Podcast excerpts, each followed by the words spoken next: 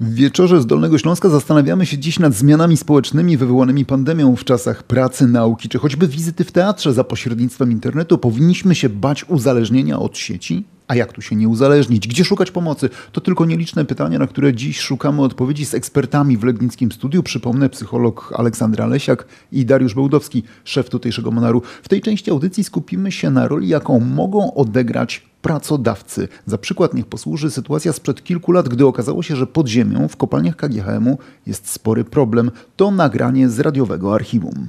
Nie tak dawno miałem takiego pracownika pode mną, który dosłownie po ścianach chodził na dole i alkoholu nie było czuć, oczy się szkliły, źrenice rozszerzone, był naćpany. Dlaczego? Nie wiem, no każdy ma tutaj z nas stres. To nie jest tak, że się zjeżdża i, i myśli się o niebieskich migdałach. Każdy się denerwuje, mamy rodziny.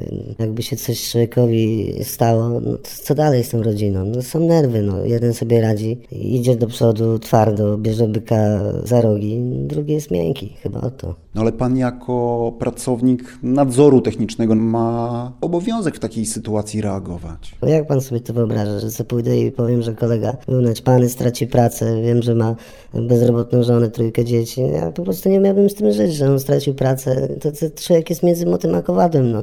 Dariusz Wyborski, rzecznik koncernu, przyznaje, narkotyki w naszych kopalniach stały się problemem. Problemem, na który nie możemy i nie chcemy zamykać oczu. Faktem jest, że na pewno nie jest on tak znany i tak rozpoznany jak alkoholizm, który na dole też występuje. Przez pewien czas była taka atmosfera, że to jest taki problem bardziej wewnętrzny, nie powinno się o nim mówić, ale tu w grę wchodzi bezpieczeństwo, zdrowie i życie ludzi. Dlatego nie możemy milczeć i dlatego staramy się sami nauczyć, jak temu przeciwdziałać. I jeden z przypadków naprawdę symptomatyczny jest taki, gdzie przy wychodzeniu okazało się, że brakuje jednego numerka.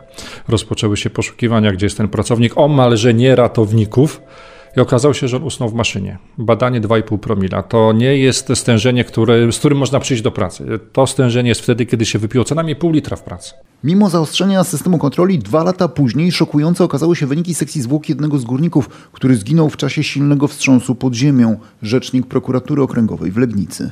Biegli uznali, że osoba ta zażyła narkotyk i tutaj dalsze dowodzenie w tym zakresie nie znajduje uzasadnienia.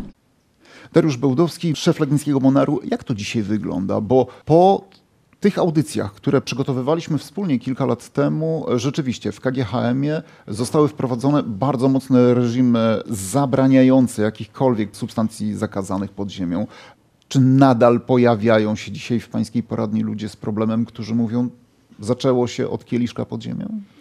To znaczy teraz z perspektywy czasu widzę, że jest faktycznie mniej tych osób niż było właśnie te kilka lat temu.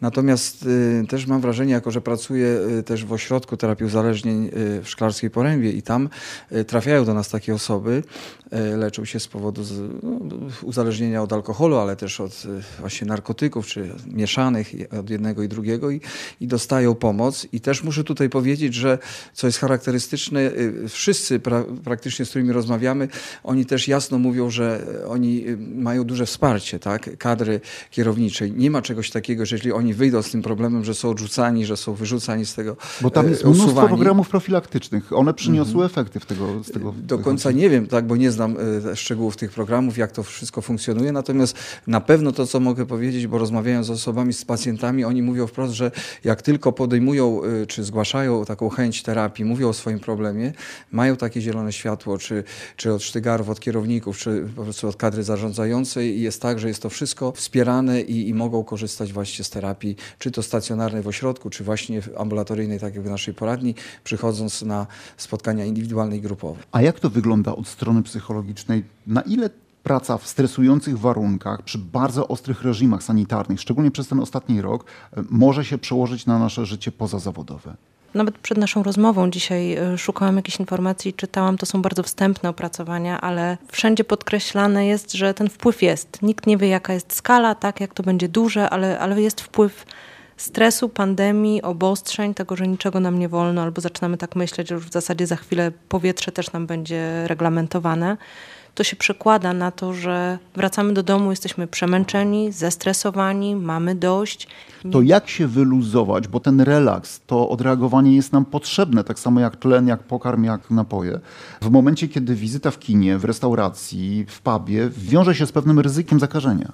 To, co jest najskuteczniejsze w takiej sytuacji, to oparcie się na sobie, tak? Nie szukanie na zewnątrz, co mi może dać i zaoferować świat. Ja wiem, że to, co mówię teraz, jest dla wielu osób trudne i niewyobrażalne, tak? No bo jak zbudować całe swoje samopoczucie na, na swoich działaniach ale wydaje się, że to jest jedyne, co jest teraz pewne. Czyli zastanówmy się, co nam sprawia przyjemność, jakie małe, drobne przyjemności możemy sobie sprawiać.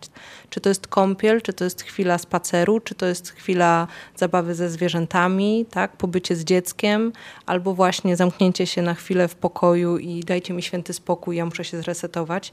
Niekoniecznie sięganie po alkohol, niekoniecznie budowanie w sobie takich nawyków niebezpiecznych, takich właśnie jak y, regulowanie emocji używkami, papierosami, jedzeniem, piciem alkoholu, graniem w gry, to wszystko odmurza i przynosi nam takie ukojenie na chwilę tak? Natomiast w dłuższej perspektywie jest zagrażające. Ja bym chciała jeszcze nawiązać do tego, co Darek powiedział o tym zielonym świetle kadr zarządzających, że to jest taki czas, kiedy tak naprawdę też pracodawcy mogą pokazać i okazać swoją troskę o pracowników, oferując im pomoc też psychologiczną, dając im zielone światło do tego, że mogą z tego korzystać. Bo... A często zdarza się, że pracodawcom bardziej dzisiaj zależy na komforcie psychologicznym swoich pracowników i starają się jak mogą. Czy to jest jeszcze sfera, która wymaga dopieszczenia? Wydaje mi się, że to bardzo takie raczkujące, żeby nie powiedzieć, że pełzające. Powoli to się gdzieś pojawia w świadomości pracodawców, że y, dobrostan psychiczny pracownika wpływa na wyniki firmy. To o takie połączenie nam chodzi,